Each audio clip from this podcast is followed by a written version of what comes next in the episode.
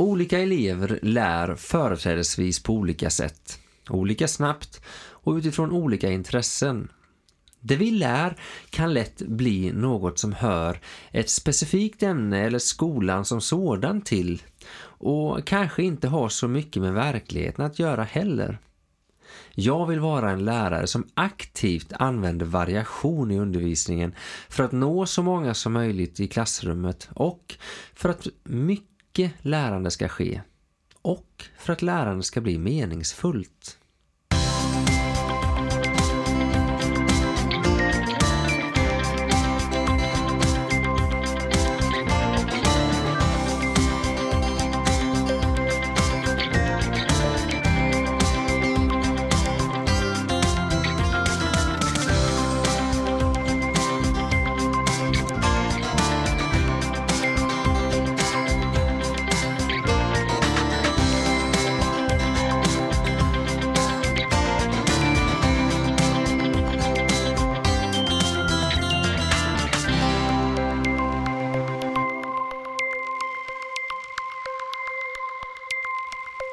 Välkomna till podden Jag vill vara en lärare som. En podd där vi pratar om lärande. Vi som gör detta heter Daniel Dahlström Och Daniel Johansson, och vi jobbar båda som SO-lärare på Furulidskolan i Aneby. det gör vi. Men just nu har vi faktiskt sportlov. Ja, faktiskt. Ja, Och eh, passa på att spela in lite podd. det är trevligt. Ja, det är det faktiskt. Ja. Eh, Du eh, pratade lite i inledningen här om variation. Ja, Det blir så är det. dagens tema kan man säga här då. Ja, det, det har jag tänkt ganska länge att vi skulle göra ett avsnitt om faktiskt variation. Och jag vet, eh, ja det är ju länge sedan men eh, i början på 2000-talet pluggade jag till lärare och då pratade vi jättemycket om variation i utbildningen och det var mycket prat om vikten av variation i undervisningen och sånt där. Jag sitter och försöker minnas tillbaka. Jag, jag minns det inte riktigt Nej, så. men du är lite äldre än jag. kan vara så att jag var några år tidigare. Ja. Eh, men det var väldigt mycket på tapeten då, eh, vet jag. Och det där är någonting som man faktiskt har hängt med, skulle jag vilja säga. Eh, som ett, ska jag inte säga, men, men litet nyckelord faktiskt, det här med variation. Att det ska finnas med i undervisningen. Och sen har jag fått fördjupa mig efterhand också lite om att förstå varför är det viktigt och så. Det tänkte vi skulle prata lite om idag. Mm, Sådär. jag kan bara hänga på. Variation är en sak som ligger väldigt varmt om hjärtat. Så det känns kul att vi, att vi gör det här avsnittet idag. Ja. Eh, och jag brukar alltid säga så här, och du också givetvis, eh, att eh, vi kopplar ju alltid till saker som vi har sagt förut och det kommer vi göra idag också. Eh, sådär. Ja, men vi säger ju att det inte är spretigt utan vi, vi lägger ju någon sorts pussel här och vi, vi, det är olika delar av, av samma pussel vi presenterar i vår Ja, podd ja. kan man säga. Ja, ibland brukar man varna för starka scener. Jag kan väl varna lite för upprepning i så fall, tänker jag kanske. Jag vet Ja, inte. vi får hoppas att, att lyssnarna känner sig trygga med det. Ja, Tre delar kan man säga, eller tre aspekter av variation kommer vi bygga på idag. ja, Eh, Den första handlar om metodmässig variation. ja precis. Varför man ska variera sig med metoder och sådär va? Sen kan det vara variation när det gäller nivåer Mm, kan man säga. mm, Vi går lite djupare in på det sen. ja. Att göra lite djupdykningar och sånt där, olika nivåer i det man tar upp. Mm. Enklare stoff ibland och lite svårare och sånt där. Inte bara bredd utan djup. Nej, men precis. Och den tredje variationen här handlar om kontext och sammanhang. Ja, det får den också utvecklas sen kanske, men det Ja. handlar om att kunna tillämpa sin kunskap på olika sätt och kanske få en förståelse för vad man faktiskt har lärt sig, tänker jag. Och som vanligt så försöker vi koppla till eh, lite forskning och, och till vår egen erfarenhet och, och sådär Ja, i vårt samtal. ja, jag tänkte man skulle kunna ta upp, det finns faktiskt en del om man vill fördjupa sig i detta på nätet som är ganska bra. Jag tänkte vi kunde bara referera till det på slutet sen kanske.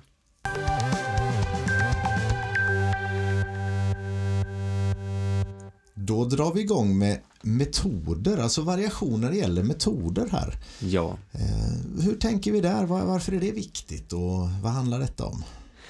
Ja, eh, ja, dels handlar det om att man själv vill överleva som lärare. Nej, man vill ju ha kul i klassrummet. Det finns jättemånga anledningar till att variera sina metoder. Skulle jag köra samma metod hela tiden skulle nog både jag och eleverna dö av tristess efter ett tag, tänker jag. Mm, Men det är, inte, det är inte bara den aspekten att man ska ha kul utan det finns ju faktiskt ett mervärde med att variera. Vi har ju faktiskt lyft en del olika metoder tidigare, en del avsnitt. Inte för så länge sedan pratade vi om det här med aktivt lärande. Vi har pratat om olika modeller man kan använda sig för att skapa flow och sånt där när vi hade det avsnittet. Eh, och det är olika metoder man kan jobba med. Mm.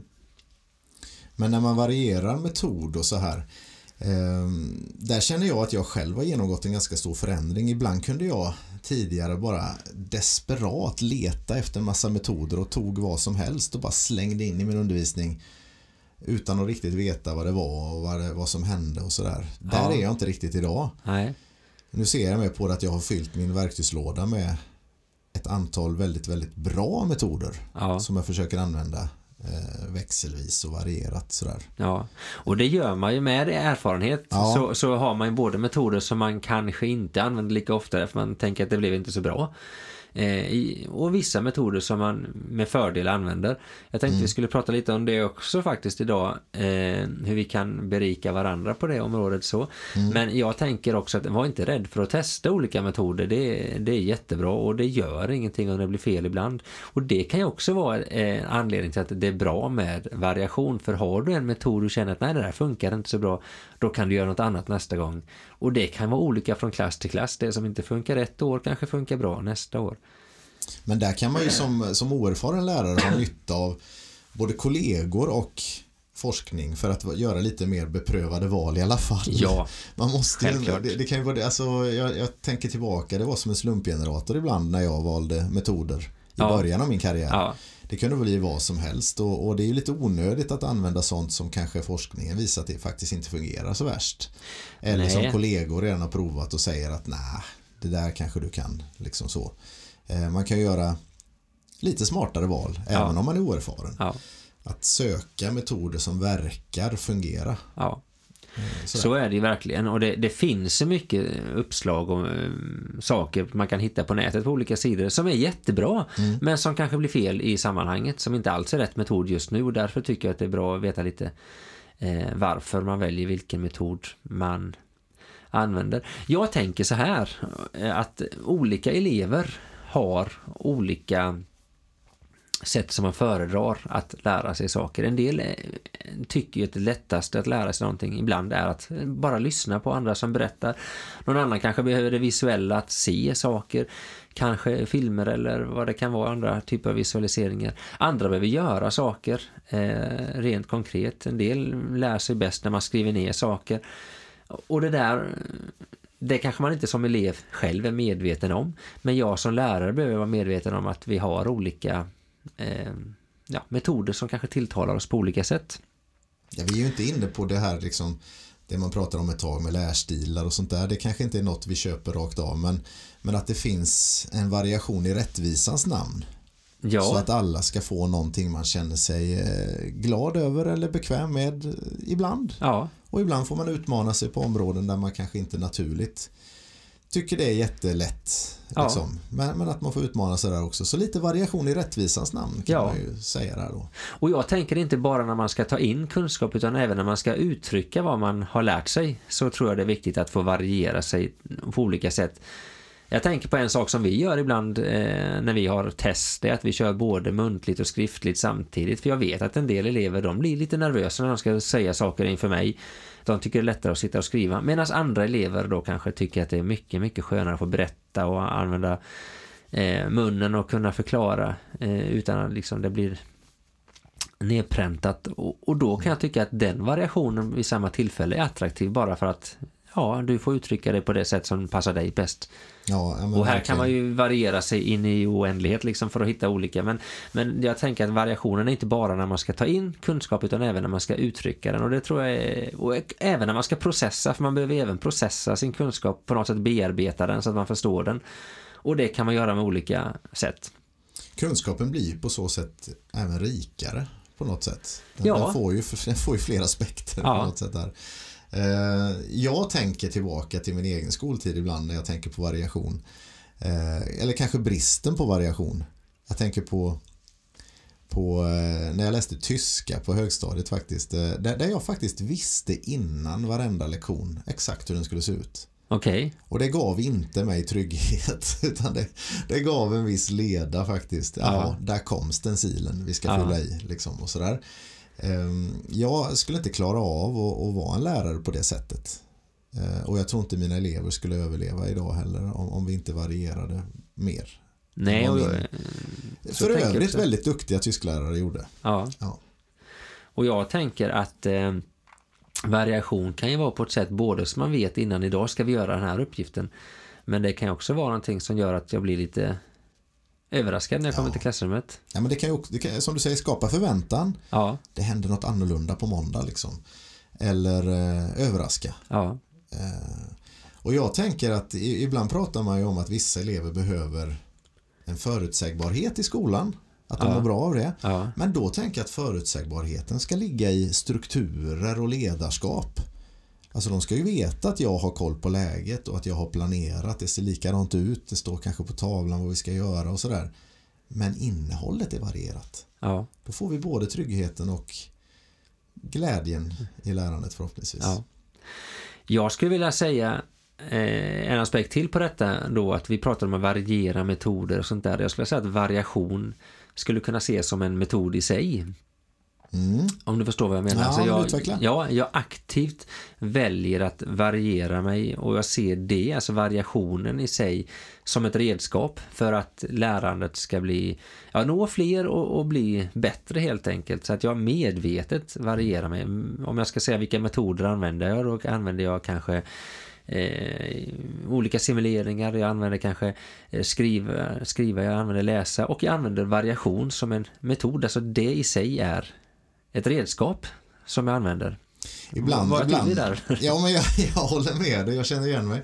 Ibland står jag nästan och skrattar åt mig själv när jag ser vad jag har skrivit på tavlan inför en lektion. 60 minuter, 8 punkter. Liksom. Ja. Det, det, det, är som ett körschema för lektionen. Det är väldigt långt ifrån, ja ni slår upp sidan 47 och fortsätter där. Ja. Sånt gör vi också ibland. Ja, och det Men ibland fel. är det verkligen kanske 5-6 moment på en lektion på 60 minuter. Och, och det, då är ju verkligen variationen i sig en metod.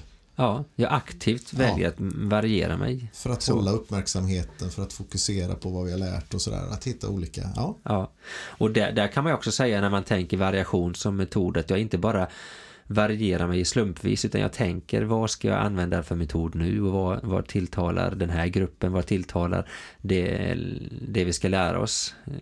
Och vad passar till det här stoffet? Ja, precis. Det, är verkligen olika metoder passar till olika, ja, i olika Så lägen. att det är en medveten metod.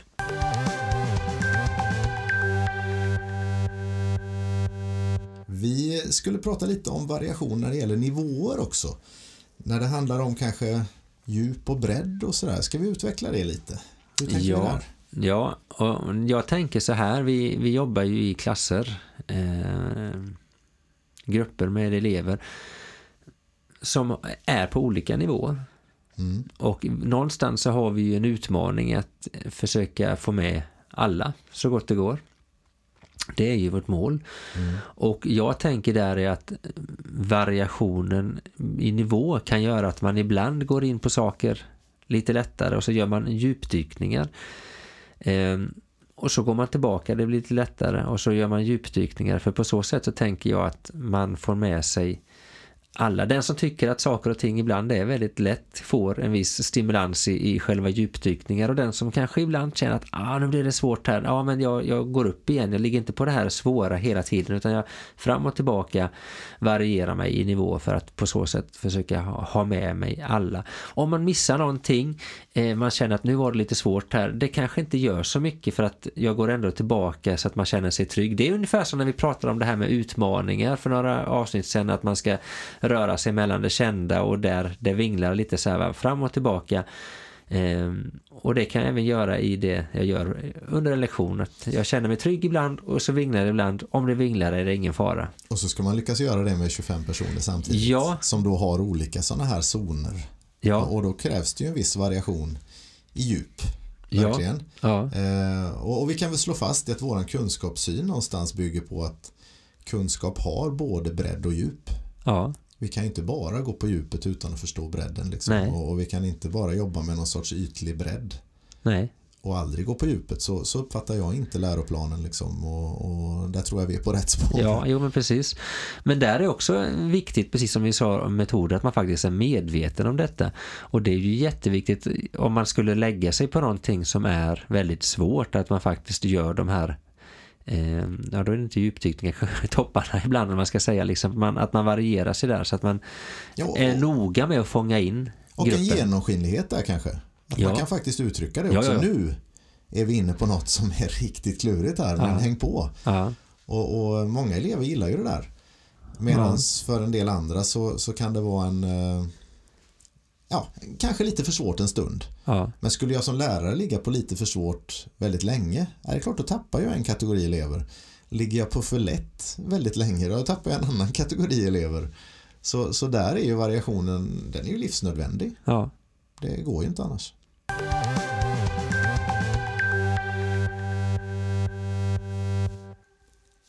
Den tredje aspekten av variation här då, kontext och sammanhang kallar vi den för. Vad, vad menar vi då? Jag tänker så här att när vi lär, lär oss någonting så vill vi att förstå, skapa förståelse för det vi gör. Och om jag lär mig någonting, eh, vad någonting är, eh, så kanske jag kan det där och då, men jag kan inte använda det i ett annat sammanhang. Jag alltså kan inte varierar. generalisera liksom, Nej, utan det ja, blir specifikt på ja, något sätt. Om jag lär mig vad en orsak är till exempel så kanske jag kan vad orsaken är till den specifika händelsen jag läser om. Men om jag senare skulle prata om eh, ett annat sammanhang så kanske jag har svårt att använda den kunskapen då. Förstår du vad jag menar? Eh, vi, vi, vi refererar ofta till det här med att vi är innebandytränare. Jag kan väl göra det igen. Nej men alltså, tänk att du lär dig att passa. Du står mellan två linjer och passar och sen ja. så vet du hur du ska passa och du kanske både kan ta emot en pass och slå en pass. Eh, men hur kan du använda det i en situation, i matchsituation eller en övning och sånt där? Eh, eller historia som vi sa, vi kanske kan se ett mönster mellan eh, olika orsaker till att upprepa sig, men kan vi använda det i ett helt annat sammanhang? Och då är din tanke att varierar vi ofta i kontexten för de förmågorna vi tränar ja. så ökar chansen att man blir mer generell i, i sitt att man verkligen tillägnar sig den här förmågan. Ja, jag knyter inte förmågan till ett speciellt Nej. sammanhang. Vilket gör att det är förmågan i sig jag lär mig. Jag lär ja. mig inte helheten som en kontext. För det skulle kunna vara så att jag lär mig vad en stol är som står i ett rum. Och då tänker mm. jag stol, rum, det, liksom, det hänger ihop. Men att en stol kan vara något annat som finns i en helt annan miljö eller vad det är. Det har jag inte koll på förrän jag ser det specifika fenomenet då i andra typer av sammanhang. Så jag behöver alltså både, som vi sa innan, variera själva metoder för att, för att eh, lära mig innehållet. Men jag behöver också sen då variera eh, sammanhanget där jag tillämpar mm. själv. Förstår du vad jag menar lite? Ja, men det här utmanar ju lite grann för jag tänker en vanlig SO-undervisning som vi ofta bedriver. Ja. Där går vi igenom ett stoff och vi kanske pratar om orsaker och konsekvenser inom det stoffet och så är det faktiskt det vi testar också. Ja. Och det, då, då är du lite inne på att vi på ett sätt kanske inte riktigt hittar rätt. Att vi inte, trä, att vi inte bedömer förmågan. Det blir lite för smalt på ett sätt. Det hade varit bättre kanske, vi har pratat om det någon gång, att man byter kanske sammanhang till något fiktivt sammanhang kanske i provet eller sådär och så, och så testar man då, har man förstått vad den här vad, vad en orsak här skulle kunna vara ja. eh, eller man byter till en annan revolution eller man byter ja, till ett annat krig eller, eller en annan religion eller så ja. politiskt parti eller vad det kan vara så här, va? och det är ju ganska snyggt de gånger man gör det där man ser att ja, men eleverna har faktiskt förstått principen och kan tillämpa den Ja, och jag tänker att det här är livsnödvändigt för att annars blir det att vi lär för skolan, vi lär för klassrummet. Och det vet man ju ibland, man har tagit upp sådana exempel att man inte kan räkna ut ett tal på, man ska läsa en tabell kanske i, i samhällskunskapen för att det är man så van att man gör det i matten och nu är det ett helt annat ja, ämne. Ja, men sådana historier har man ju hört. Och det, då är vi ju där. Och jag tänker, ska vi ha någon syfte med att vi vill lära oss någonting för att sen kunna tillämpa det i, i verkligheten så behöver vi alltså variera sammanhanget, kontexten där vi tränar ett visst fenomen eller en viss förmåga eller vad det är, va? så att vi urskiljer det.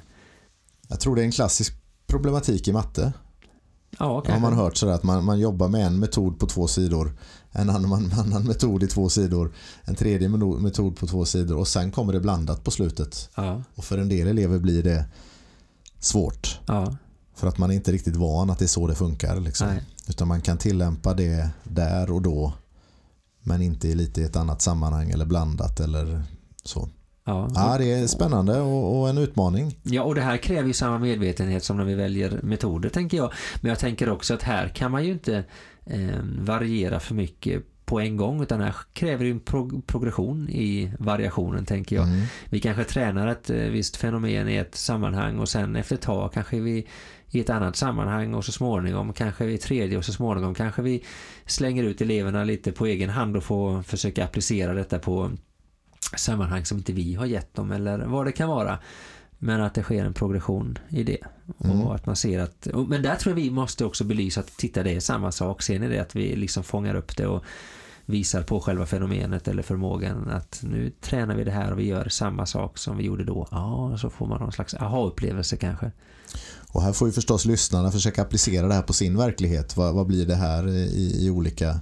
Som vanligt är det ju så. Ja. Vi, vi, utgår från SO kanske och, och försöker göra kopplingar men men hur ser det ut i idrott eller i bild eller, eller i någon helt annan verksamhet? Ja, och för Innebandy. Ta matten igen där, så där är det ofta problemlösning man jobbar med. Man får ett problem och så ska mm. man också välja då vilken metod man vill jobba med och då måste du ha fått träna olika metoder i olika ja. sammanhang för att tänka, kunna dra den slutsatsen själv att nu är det division som är det bästa.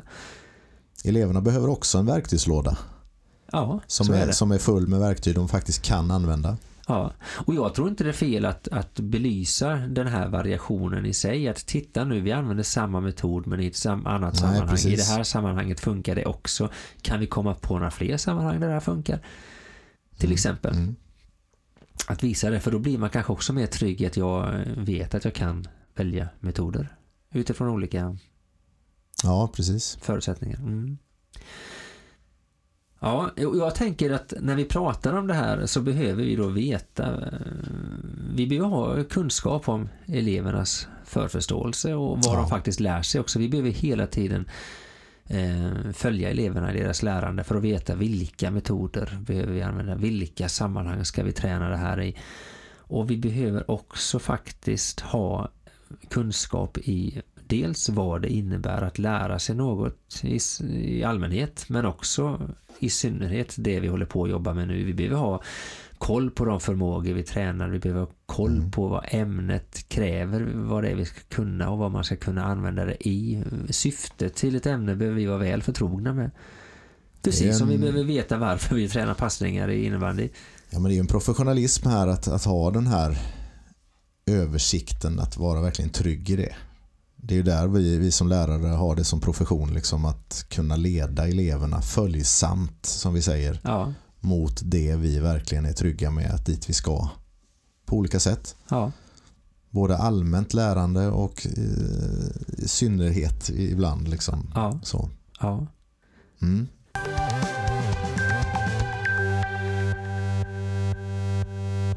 Vi börjar närma oss någon sorts avslutning här men en liten problematisering är ju aldrig fel. Nej, vi, eh. vi var ju inne på det lite innan faktiskt tänker jag men, eh, men jag tänker ofta att allting har ju en utmaning också. Det kan ju bli ja. svårt. Ja men så är det ju. Eh, och, och, när man pratar variation och sådär och, och läraryrket till exempel så kan man ju tänka att vi sätter press på våra kollegor där ute nu. Ja, jag upplever det själv ibland. Jag kan ibland känna inför lektion. Åh, vad ska jag göra den här lektionen? Man vill ha något kreativt, man vill ha något bra. Och så tänker man, vad ska jag hitta på för metod den här gången? Eller vad ska jag göra för att det både känns inspirerande för eleverna och för att det inte ska Ja men du förstår vad jag menar men man, man ja, kan ibland blir... känna det här kan jag ta till boken bara och sitta och läsa och göra de uppgifter och det tror jag absolut man kan göra. Jag tror vi har, vi har ju upplevt att vi har varit i ett dike där. Ja. Helt ärligt att vi, vi har gått så långt åt det hållet att vi vi har varit lite överkreativa nästan. Ja. Att det, det, är ju också okej att göra någon sorts vanlig lektion ibland. Ja. Där, det... ett, där ett bra läromedel kan faktiskt bidra med jättemycket. Ja, det handlar ju inte om att hela tiden uppfinna nya metoder och hela tiden vara så spexig, spexad och men å andra sidan kanske många kollegor är i ett annat dike. Ja, Där absolut. man bara tuffar på utan den här reflektionen ja. och därför vill vi verkligen utmana också. Ja. Men eh, det handlar ju inte om ett, en tung ryggsäck Hoppas Nej. vi inte. Nej, jag tänker så här, eh, och särskilt om man är ny i yrket men även om man har på ett tag att man kan väl hitta ett par, tre metoder som man känner sig väl förtrogen med och som man känner att här känner jag att eh, jag är ganska trygg och det här vet jag att det funkar på de flesta grupper. Där måste man ju testa sig fram givetvis. Men det finns ju också de som har gått före. Det får man inte glömma bort. Men, men, men, men lär dig några metoder som du känner dig trygg i. Eh, vi har ju några som vi ofta återkommer till. Vi låter dem ofta till exempel jobba i smågrupper två och två för vi vet att det är bra när de diskuterar. Vi, vi har vissa övningar som vi ofta återkommer till när vi tränar begrepp och sånt där till exempel. Men ta hjälp av varandra, det tycker mm. jag är jätte, jätteviktigt. Det, alltså, du är ju inte själv om att ha den här elevgruppen, tror jag inte. Det vet man inte, det kanske är så på någon lite mindre skola. Men, men oftast är det fler lärare som jobbar med samma elever och man, man måste kunna diskutera med varandra. Man kanske till och med fler lärare i samma ämneslag mm. som jobbar med samma ämne och då det har ju vi upplevt lite hos oss tycker jag. Eh, vi är ju tre stycken lärare och vi har ju olika områden där vi kanske känner oss lite mer ja, säg intresserade eller experter. Vi verkligen, kan bidra med verkligen. olika eh, kunskap, olika tips och metoder och ta den hjälpen av varandra. Sen måste vi lägga till också att dagens kollegium är ju inte skolbundet bara Nej, heller utan där finns ju sociala medier ja. som ett fantastiskt redskap där man kan hitta inspiration eh, och, och, verkligen få del av andra kollegors kunskaper och eh, ja, verkligen spetskunskaper. Man kan få, få del av riktigt bra grejer. Ja, det finns till och med de som är mer utvecklade än vad vi är som sitter här. Och... Ja, du menar det? Nej, men alltså det, och det är klart att sitter man och lyssnar på en podd så har man ju säkert upptäckt den, eh, det forumet. Men det finns jättebra hemsidor och sånt där som jag har snurrat in på. Bloggar och Bloggar, så vidare. Ja, mm. och, eh, vill man fördjupa sig så tänkte jag faktiskt några tips så här. Jag eh. tänkte skicka med en, en liten, ja. ett litet tips som jag tänkte på ja. som hade med det vi pratade om nyss. Eh, var inte för snabb att förkasta en metod. Nej. Det, det, var bara en sak jag tänkte på. Det är väldigt lätt att man, man kanske provar något som man själv inte är helt förtrogen med än. Skickar in det i en klass man inte riktigt känner och så blev det inte så bra. Nej. Nej, men då får man inte vara för snabb och, och, lägga ner där utan det kan vara värt att testa någon gång till om det här är något som en kollega ändå varmt rekommenderar eller som jag har läst i någon forskningsrapport att det borde funka. Liksom. Ja. Ta, ta ett par försök till. Det tar ett litet tag innan man blir riktigt förtrogen med det och innan det riktigt platsar i verktygslådan. Ja. Det, det var bara något jag ville skicka med där. Eh, men du var, du var ju också inne på lite, lite tips när det gällde någon sorts referenser här kring ja, jag, jag vad tänkte, man kan hitta lite mer info ja, om detta? Det, det har ju forskats en del kring detta och inte minst Göteborg, Göteborgs ja. universitet. När vi pluggade till lärare så läste vi mycket litteratur av eh, Ferenc Marton heter han väl? Ja, precis. Ja, och inte bara han utan... Hur vi lär tror jag vi ja, hade en Vi hade en bok som hette Om lärande, bland ja. annat. Det fanns fler. Eh, och de pratar mycket om variation och där kan man faktiskt på deras eh, hemsida hitta en del och det finns eh, Ja, även en del av det här med learning study som man kan använda som en metod. Vi har inte pratat om det mm, idag, nej, men att man som kollegor kan hjälpa varandra att variera sig i sin undervisning och sånt där.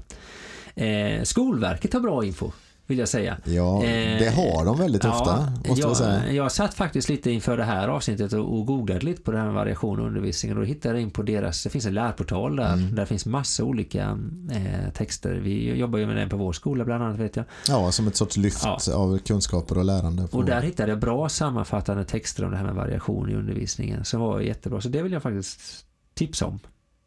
Ja, trevligt. Då finns det en väg att hitta mer om man blir sugen på att variera ja. sin undervisning mer. Ja. Du har idag lyssnat på podden Jag vill vara en lärare som som handlar om just variation av lärandet. Ja, vi, vi vill gärna att ni följer oss på vår Facebook-sida som heter Jag vill vara en lärare som eh, och även vår hemsida så jag vill vara en lärare som.se heter det.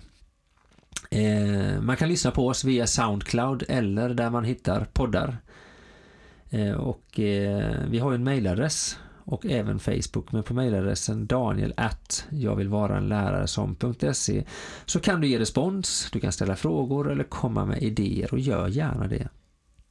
Ja, och med de orden så tackar Daniel och Daniel för oss. Vi hörs snart igen.